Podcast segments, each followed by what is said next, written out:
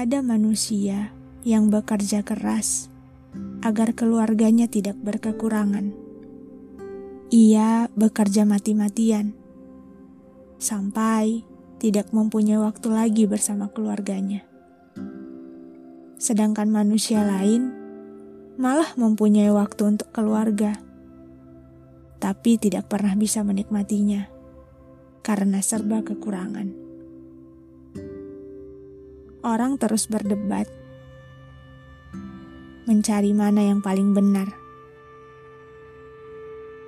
Ada yang mengatakan bahwa tanpa materi kita tak bisa bahagia, sedangkan yang lain mengatakan tidak ada gunanya semua materi jika kita tidak mempunyai waktu untuk dihabiskan bersama.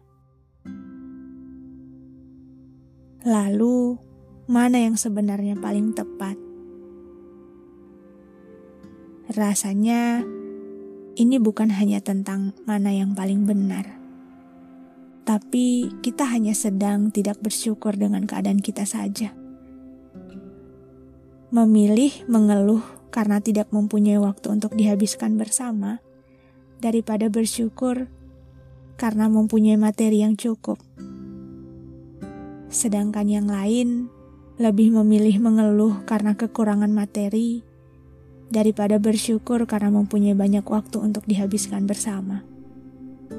Kita manusia memang selalu begitu.